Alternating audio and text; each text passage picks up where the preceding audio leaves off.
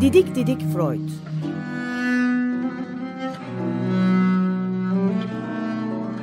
Freud'un ailevi ve tarihi romanı. Serol Teber ve Şenol Ayla. 10 yıl sonra tekrar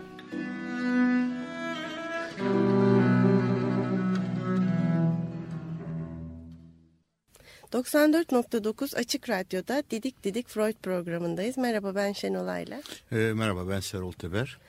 Kaldığımız yerden Freud'a devam ediyoruz. E, geçen programda geçen kelimelerden biri psikoarkeolojiydi. Evet. Freud'un arkasını dayadığı tarih ve arkeolojiden yola çıkmıştık ve şimdi bunu da ayrıntılı göreceğiz. Psikoarkeoloji ne demek? Önce o kelimeyi açıklayabilir miyiz? E, evet zannediyorum e, Freud'u anlamada psikoloji, psikanalizi anlamada psikoarkeoloji hayati öneme haiz bir tanımlama. Ee, ben gene bir iki cümle geçen haftadan başından almak istiyorum.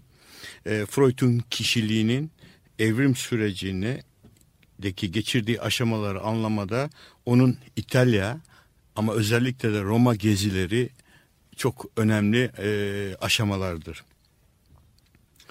Düş yorumunu yazana kadar Freud birkaç kez Roma'ya gitmiş.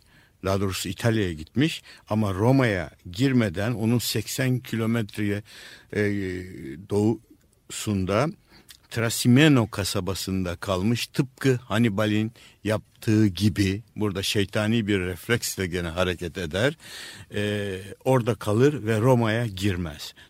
1900 yılında düş yorumu yazıldıktan sonra Roma'ya girecektir ve orada hayran olacaktır. Roma'nın arkeolojisini daha yakından görme olanağını bulacaktır.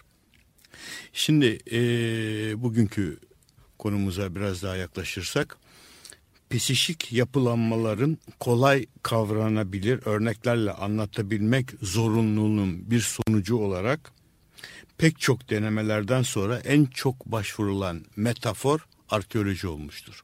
Ne demek bu?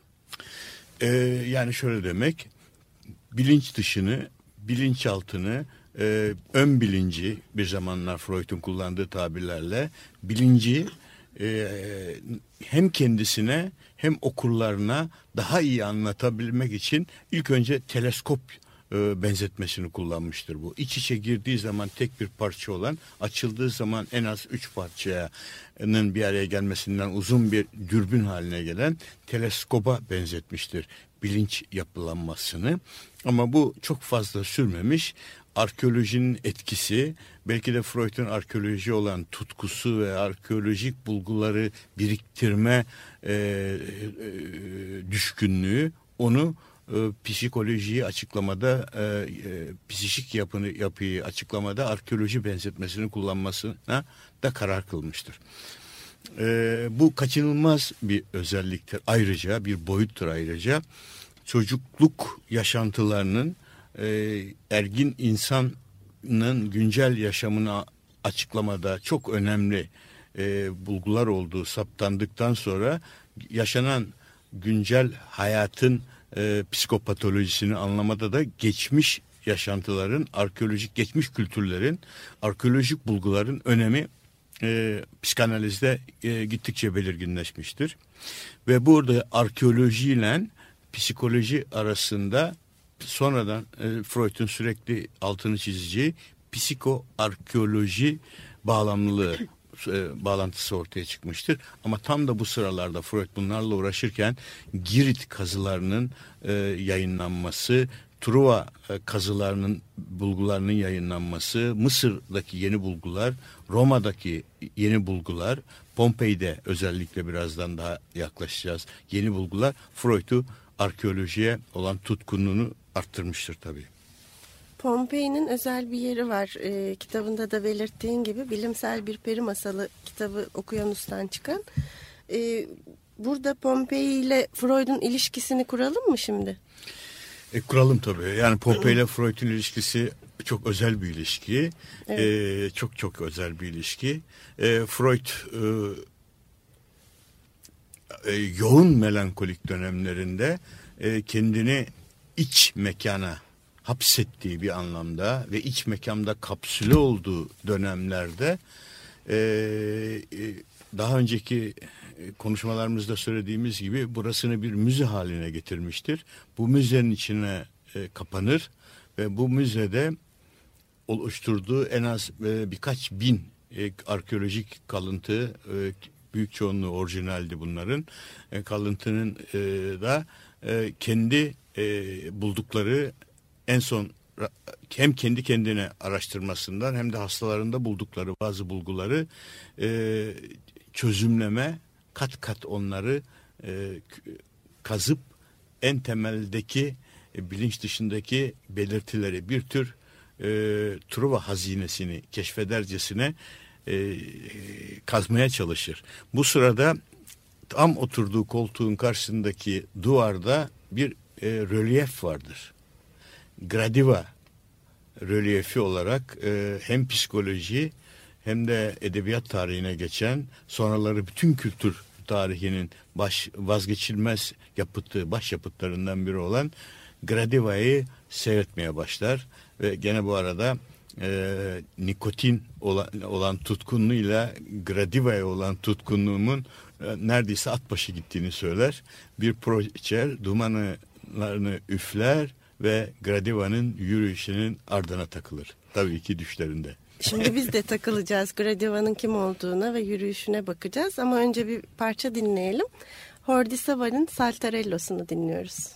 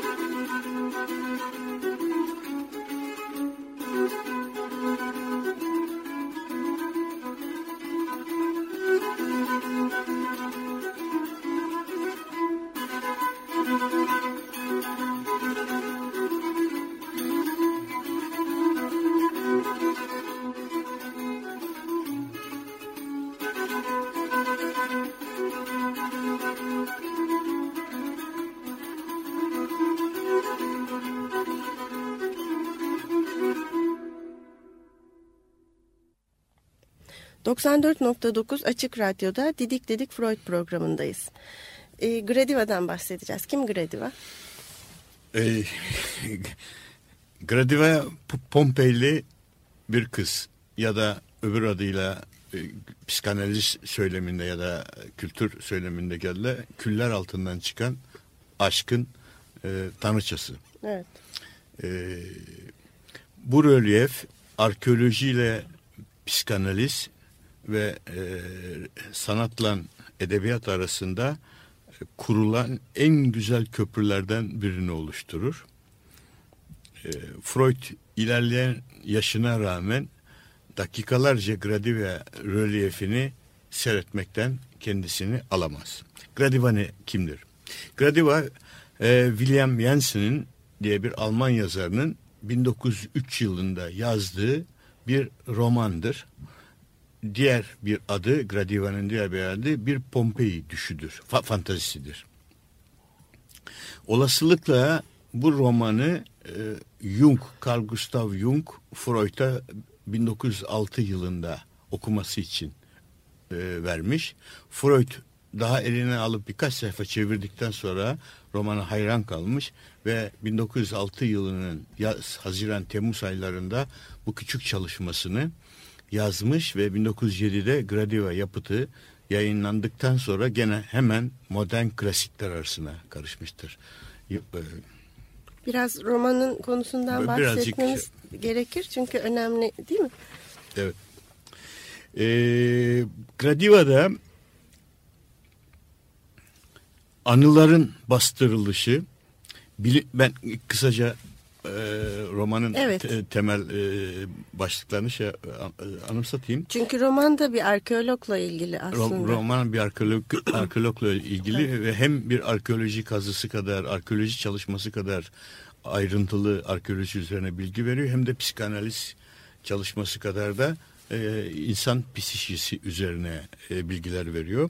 Burada anıların bastırılışını, bilinç dışı özlemleri, buralardan kaynaklanan hezeyan ve sanrısal boyutlara varan psikoz öncesi gerilimleri, sonra bunların düşler yoluyla insanın bilincine çıkış çıkışı ya da çıkma yolları arayışı ve bunun ayırdığına varan insanın da bu bilinç dışı e, gerilimin asıl kaynağını peşinden koşma serüveni gibi yorumlayabiliriz. Evet. Yani e, şaşırtıcı bir psikanaliz örneğidir. Freud bu e, şeyi e, bir yazarın bunu bulmasını hayranlıkla selamlamıştır sürekli olarak.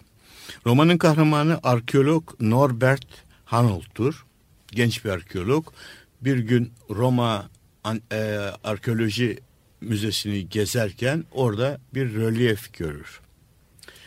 E, bu rölyefte genç bir kadını yürürken göstermektedir.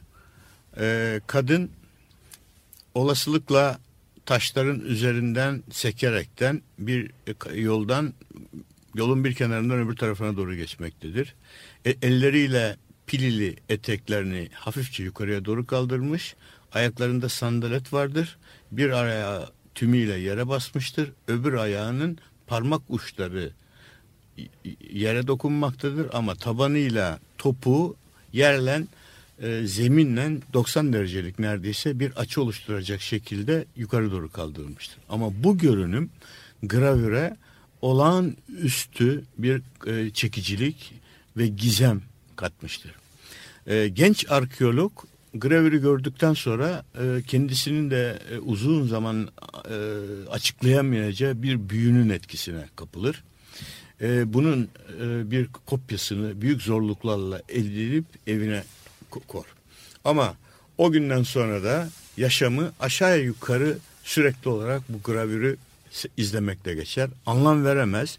Olasılıkla e, antik Grek e, kökenli bir genç kadın olduğunu düşünür.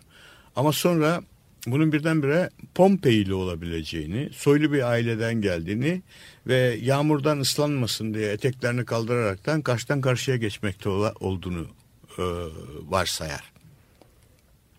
Ama o günden sonra da e, garip bir şekilde e, o, o zamana kadar tümüyle mesleğiyle ilgilenen genç arkeolog artık sokaktaki kadınların da yürüyüşlerine dikkat etmeye başlar neredeyse. Dış dünyaya kapalı olan insan biraz bir miktar e, dış dünyaya açılır gibi olur. Ama bunların hiçbirinin ayırdığında değildir. Ama günlerden bir gün e, bir düş görür. Düşünde arkeolog 79 milattan sonra 79 yılında Pompei'ye Vezüv Dağı'ndan çıkan küllerin yağdığı felaket günü, günü günüdür. O gün tesadüfen e, arkeolog da Pompei'dedir. Ama olacak felaketi bilmektedir. Genç kadını görür, ardından koşar ve onu uyarır. Buradan kaç, e, felaket gelmektedir diye. Kadın oralı olmaz gider tapınağın e, mermerleri üzerine yatar ve o sahne, e, dakikalarda zaten küller yağmaya başlamıştır ve kadın mermerleşir. Evet. Kantar içinde e, uykusundan uyanan e, arkeolog hat, e, uyandığı zaman bile neredeyse Pompei kentindeki gürültüleri duymaya da devam eder. E, fakat kalktığında bakar ki cam açıktır ve çarşıdan gelen seslerdir kulağındaki gürültüler. Camı kapamak için e, dışarı uzanır fakat karşıdan e, bu rölyefteki e, genç kadına benzeyen ki bu kadına o e, ileriye doğru giden kadın ya da genç kız anlamına gelen gradiva adını vermiştir Latince. Gradiva'ya benzeyen bir kadın karşı kaldırımdan gitmektedir. Bu son derece uygunsuz giysileri, e, yatak e, giysileri içinde sokağa çıkar kadının ardına düşer ama kaçırır. Dışarıdaki e, insanların bazı e, e, laf atmalarına, uygunsuz giysilerine, alaylarına, alaylarına e, şey yapar. E, nedeniyle geri döner, e, bu arayışından vazgeçer. Ama e, Gradiva e, düşüncesi kafasından çıkmaz. E, alelacele üniversiteye kapsamlı bir e, proje sunar ve Roma'ya gitmek istediğini, Roma'da bir araştırma yapmak istediğini bildirir. Önerisi kabul olur ve e, gene alelacele yaz tatilinde Roma'ya gider. Pompei'de neler olduğuna bir parça dinleyip sonra devam edelim. Vivaldi'nin cello konçertosundan bir bölüm dinliyoruz şimdi.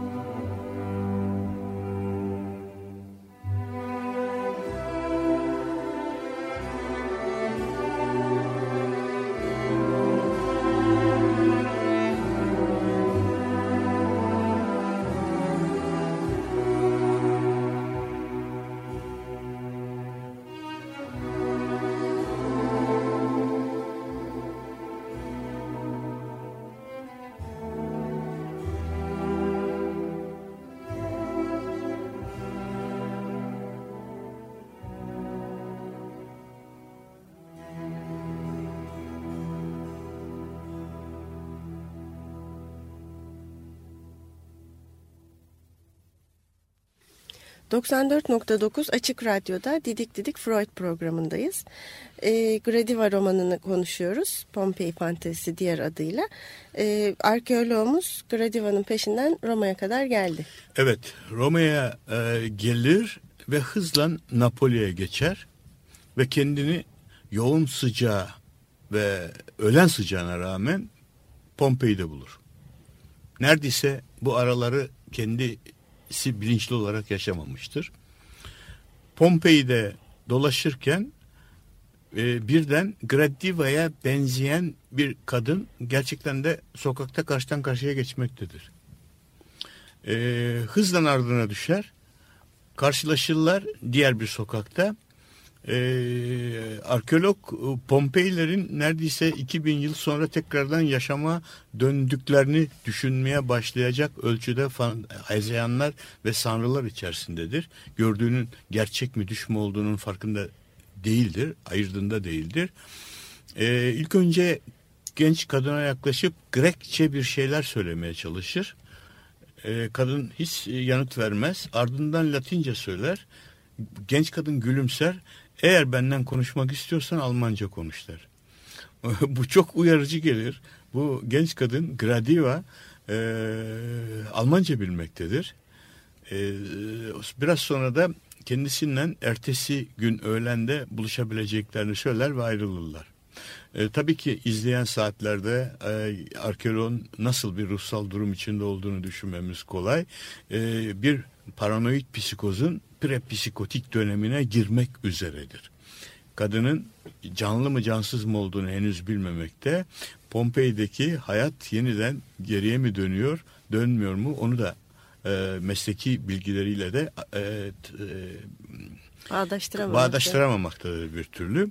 Ertesi gün öğlenliğin e, sözleşilen yere geldiğinde genç kadın e, e, elinde e, o bölgede ölülere ve gelinlere verilen beyaz bir çiçekle gelir. Arkeoloğa bunu verir.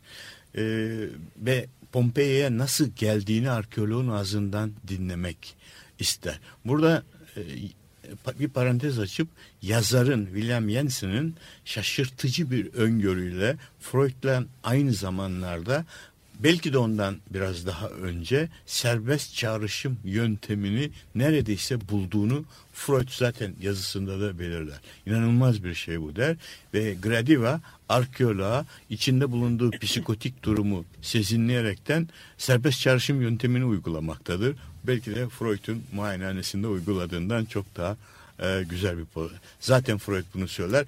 Avantajları benden çok daha büyüktü Gravida'nın der. Çünkü ben sıradan tanımadığım bir insanlara bunları uyguluyordum. Gradiva ise sevdiği bir ya da tanıdığı bir erkeğe. Ama tabii biz bunları daha romanın bu bölümünde bilmiyoruz. Şimdilik bilmemezlikten gelelim. Tamam. Ee, e, e, biraz daha konuştuktan sonra Gradiva arkeologla yeniden buluşmak üzere ayrılırlar. E, gene genç arkeolog Gradiva'nın kim olduğunu en az bizler kadar bilmemektedir. Ertesi gün söz verilen yere geldiğinde ya da gelirken yolda daha e, aynı üniversitede çalıştığı bir zooloji öğretim üyesinin oralarda gezindiğini görür. Ona hayretle sorar nereden e, neden buralarda olduğunu ve adam ona ancak o bölgelerde bulunan bir kertenkeleyi bulmak için Pompei'ye geldiğini söyler. Ayrılır, ileride Gradivate yeniden görür. Genç kadın bu sefer öğlen birlikte yemek yiyebilmeleri için e, kağıda sarılı ekmek de getirmiştir birlikte. Karşı karşıya otururlar ve e, Gradiva serbest çağrışım yöntemini bir parça uygulamaya başlar. Yeniden onun biyografisini öğrenmek ister. Ve bir ara e, hatırlıyor musun der. Çok çok eskilerden biz e, senden bir kere daha böylesi yerlerde yemek yemiştik. Öğlen yemeği yemiştik. Arkeolog bir şeylerin farkına varır gibidir ama sadece gibidir. Daha fazlasını bilmez. Hala Gradiva'nın canlı olup olup olmadığını bilmemektedir. Sonra bir ara genç kadının sol eli dizinin üzerinde durur. Üzerindeyken oraya sinek konar ve arkeolog o sineği kovmak amacıyla ya da bahanesiyle diyelim kadının parmaklarına dokununca onların sıcak ve canlı olduğunu görür. Bu sefer e, hezeyanları biraz daha artmıştır ve e, Pompeilerin taşlaşmış 2000 yıllık Pompeilerin canlanmak üzere mi olduğu kuşkusuna kapılmıştır. Bu zaman e, Gradiva e, adını taktığı genç kadın e, biraz daha ileri gidip arkeolog biraz daha e, fazla tedavi etme gereğini görür ve kendisinin biraz önce rastladığı zooloğun kızı olduğunu, aynı şehirde oturduklarını, adının e, Soa olduğunu, Soa e, Bertgang, yürüyen, ileri giden, ışıldayan anlamına geldiğini ve kendilerinin ikisinin çocukluk arkadaşı olduklarını hatta birbirlerinin ilk sevgilileri olduklarını yavaş yavaş söylemeye başlar. Adam e, bunun ayırdığına varır ve bastırılmış anılar adım adım kare kare bilince gelmeye başlar. Bu e, bu romanın ne anlama geldiğini bir parça dinleyip sonra devam edelim. Secret Garden'dan dinliyoruz. Once in a Red Moon.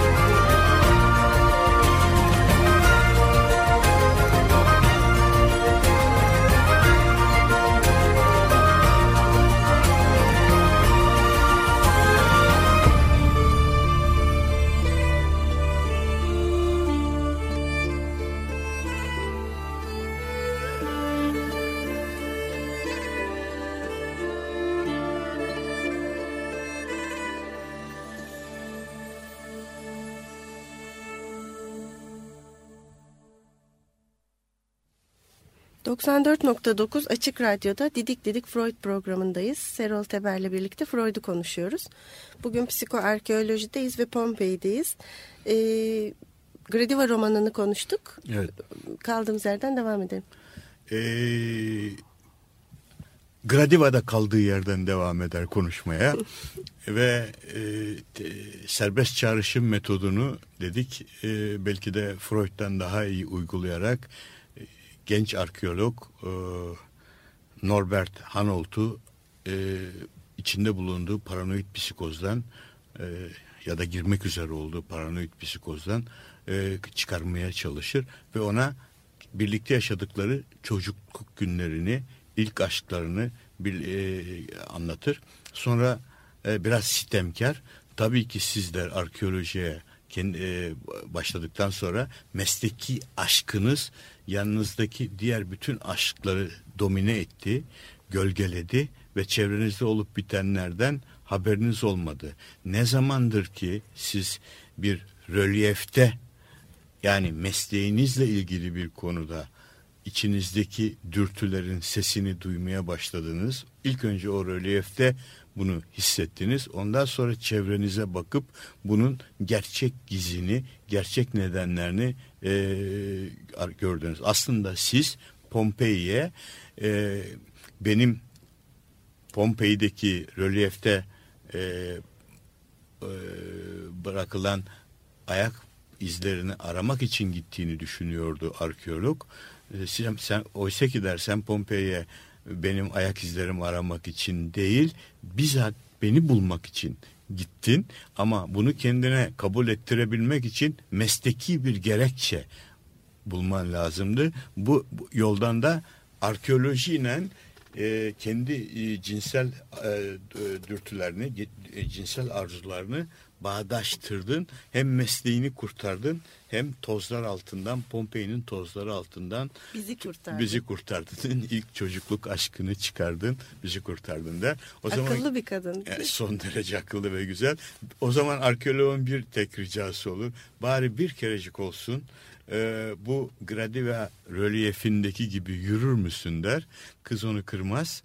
E, e, aynı pozda yürür. Gerçekten de Gradiva kadar güzel yürümektedir. Ama bu kez ayağında eski Pompei sandaletleri değil, çağdaş e, İtalyan yapısı kum rengi ayakkabıları vardır.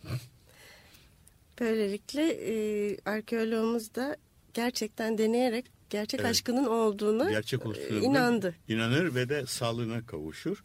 Burada Freud'un e, yaptığı çıkarsamalar e, çok yücelticidir.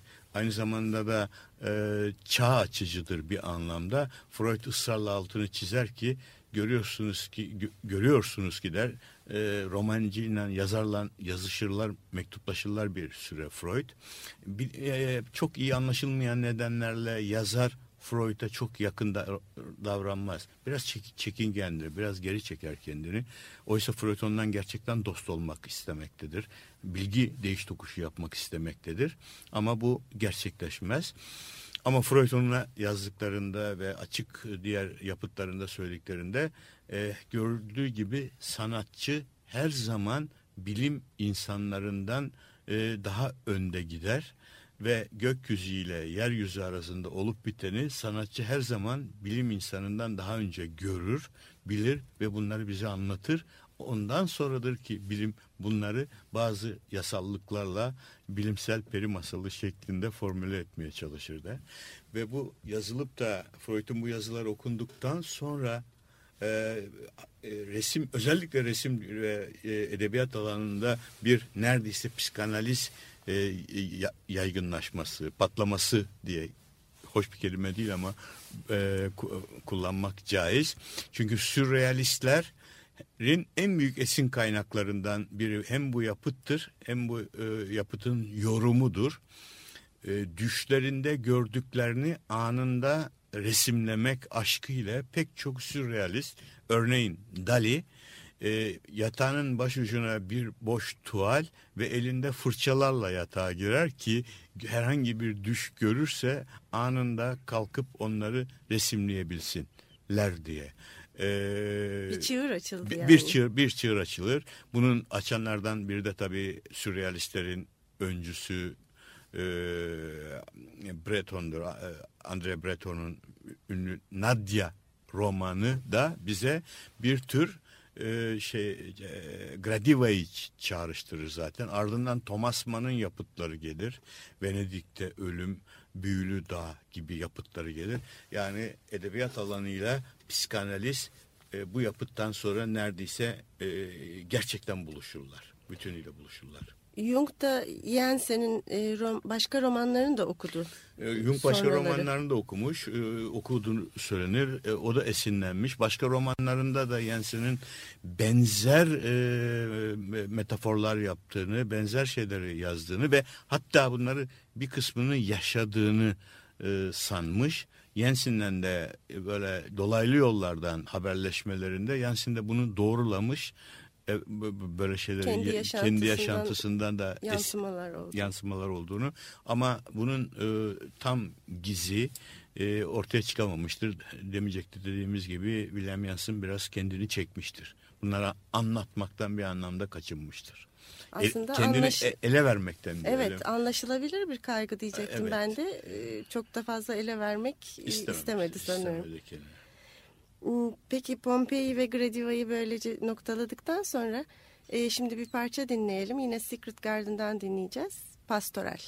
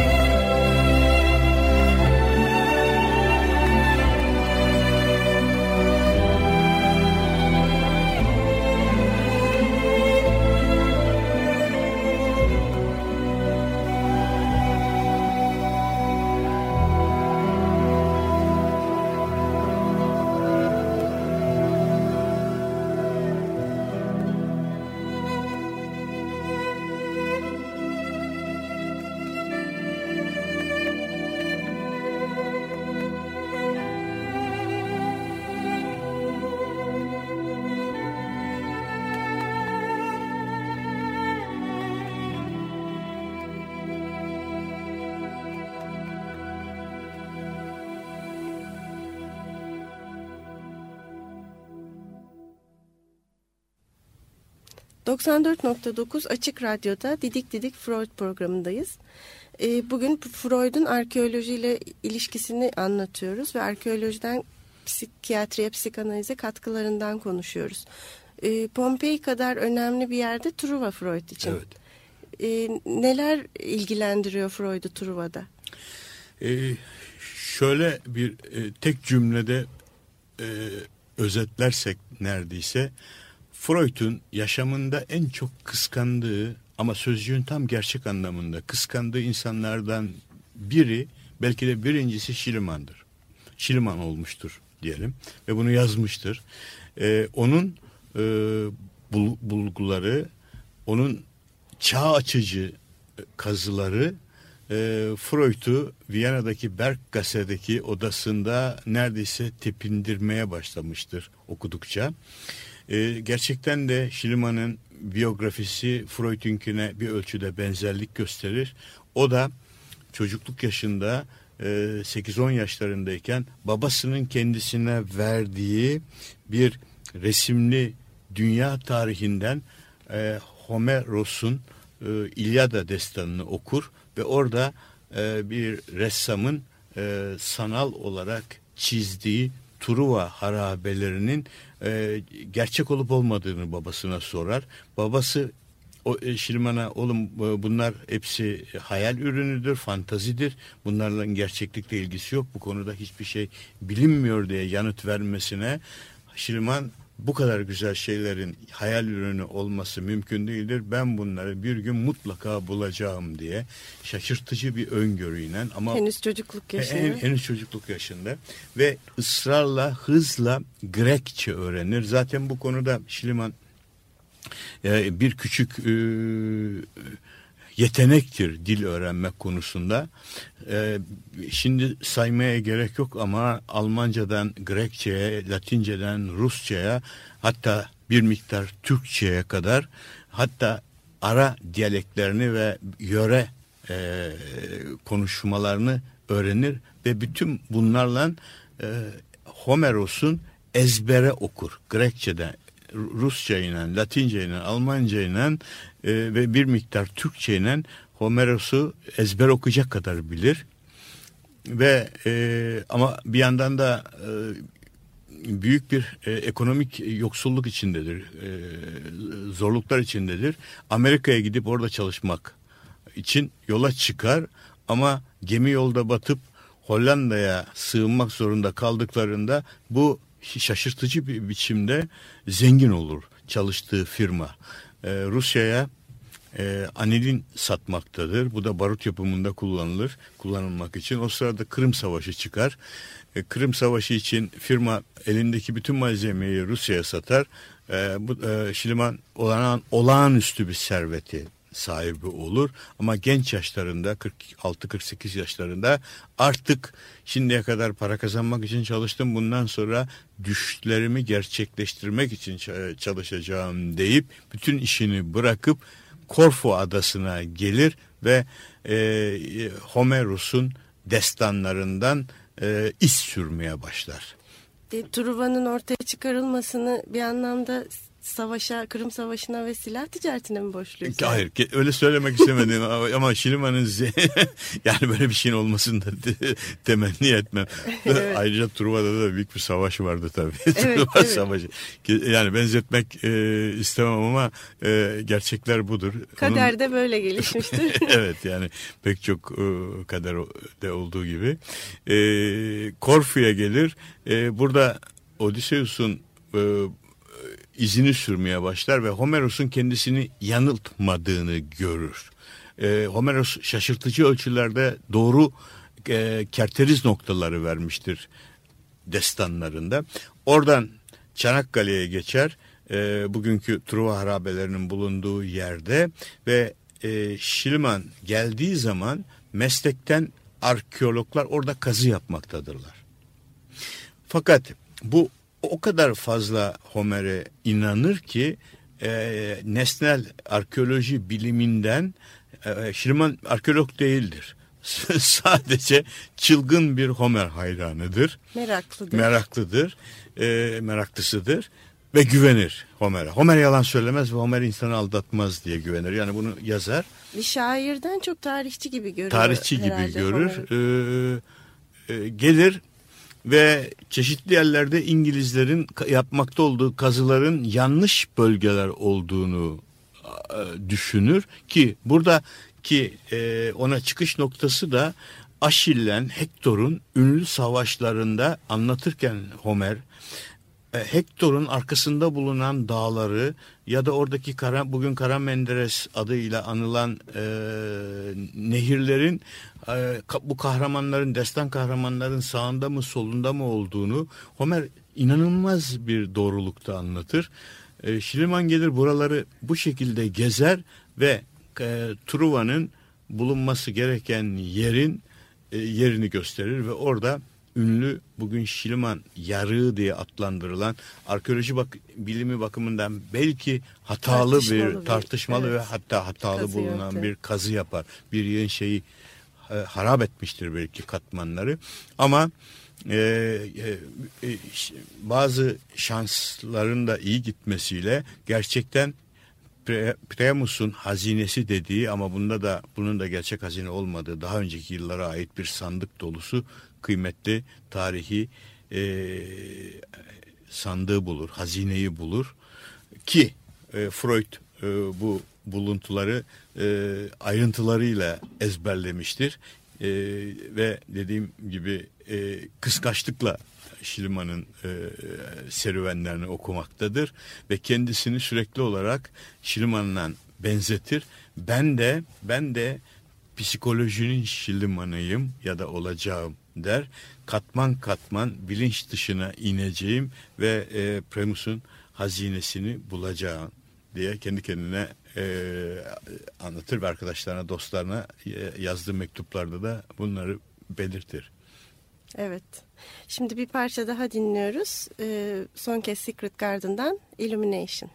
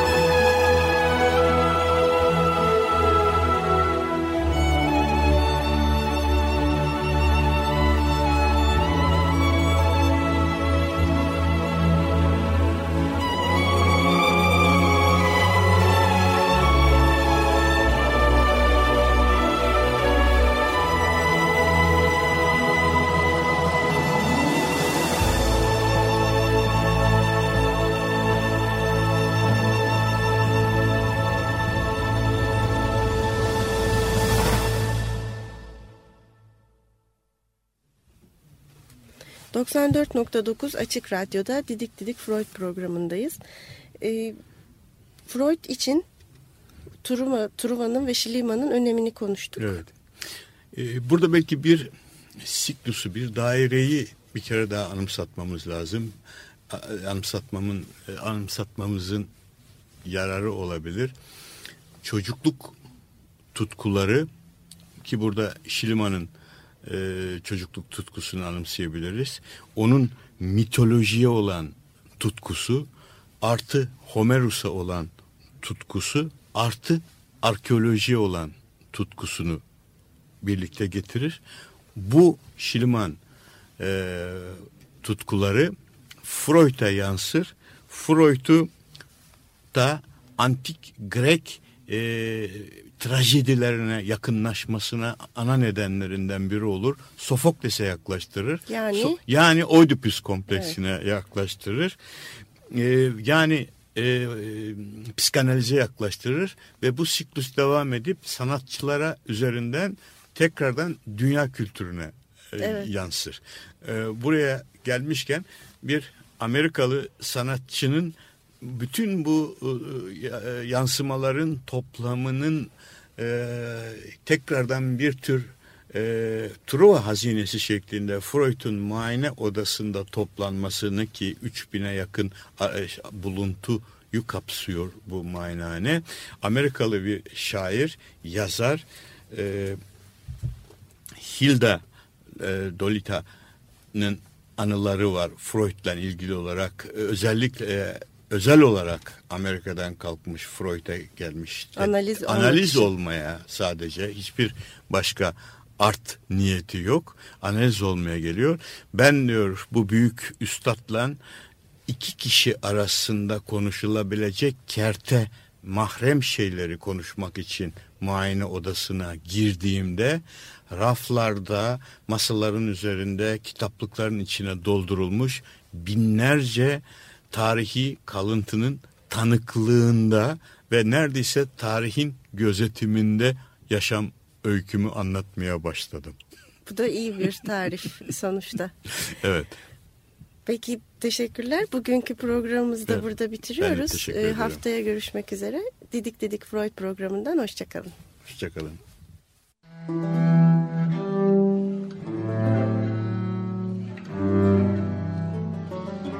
Didik Didik Freud.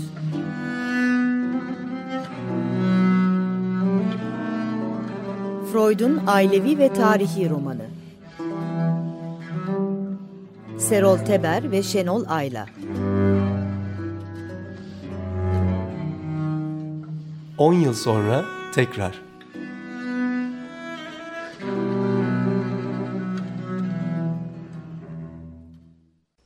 Açık Radyo program destekçisi olun. Bir veya daha fazla programa destek olmak için 212 alan koduyla 343 41 41